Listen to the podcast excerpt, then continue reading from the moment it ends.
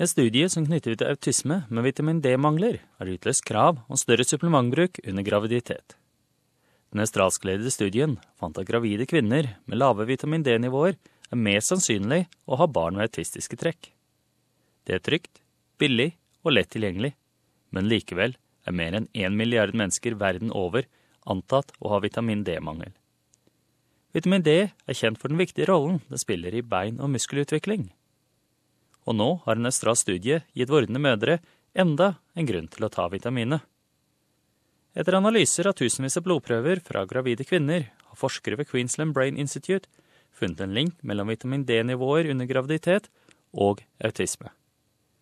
Hovedforfatteren, professor John McGrath, sier at gravide kvinner med lave vitamin D-målinger hadde større sannsynlighet for å få barn som utviklet autistiske trekk innen fylte seks år. We found that when we measured vitamin D in the middle of the pregnancy, if that vitamin D was low, those children at age six had higher scores on autistic related behaviors. Han sier at kvinner fra innvandrerbakgrunn har høyere risiko for vitamin D-mangel. For migrants to Australia, women who have dark skin are at particular risk and they do need to worry about their vitamin D, not just when they're pregnant, but throughout life and their children as well. Autisme er en livslang utviklingsforstyrrelse som påvirker hvordan mennesker forholder seg til sine omgivelser og omgås med andre mennesker.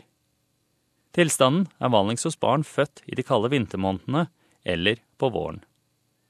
Professor McGrath sier at funnene kan bidra til å forhindre fremtidige tilfeller av autisme. We've confirmed that the mothers that have low D during pregnancy, their offspring have an increased risk of autism related behaviour. So we can now start to think the unthinkable. Maybe we could prevent autism by optimizing women's vitamin D levels during their pregnancy. Men Telethon Kids Institutes professor Andrew Whitehouse sier han ikke er overbevist om at vitamin D alene er svaret. What I think we need to do is put this in perspective. There are likely dozens, if not hundreds, of different causes um, of autism, and this study provides us an inkling of one potential mechanism. What I think we need to do first, before anything else, is try to replicate these findings, and we'll go from there. Administrerende direktør for Autism Awareness Australia, Nicole Rogerson, sier at mens autismesamfunnet ønsker all forskning velkommen, er de nyeste funnene fortsatt i et tidlig stadium.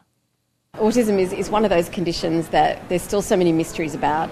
All research is welcome, but I must confess the autism community does tend to roll its eyes a little and say, oh, another day, another research project.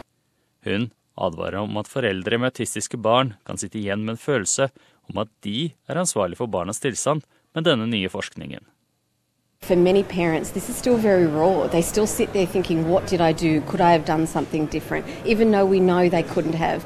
But for particularly for new parents who are very vulnerable, sometimes research like this, which is very new, it's very much in its infancy, being released like this in such a public way sometimes just plays on those emotions, and, and that's difficult.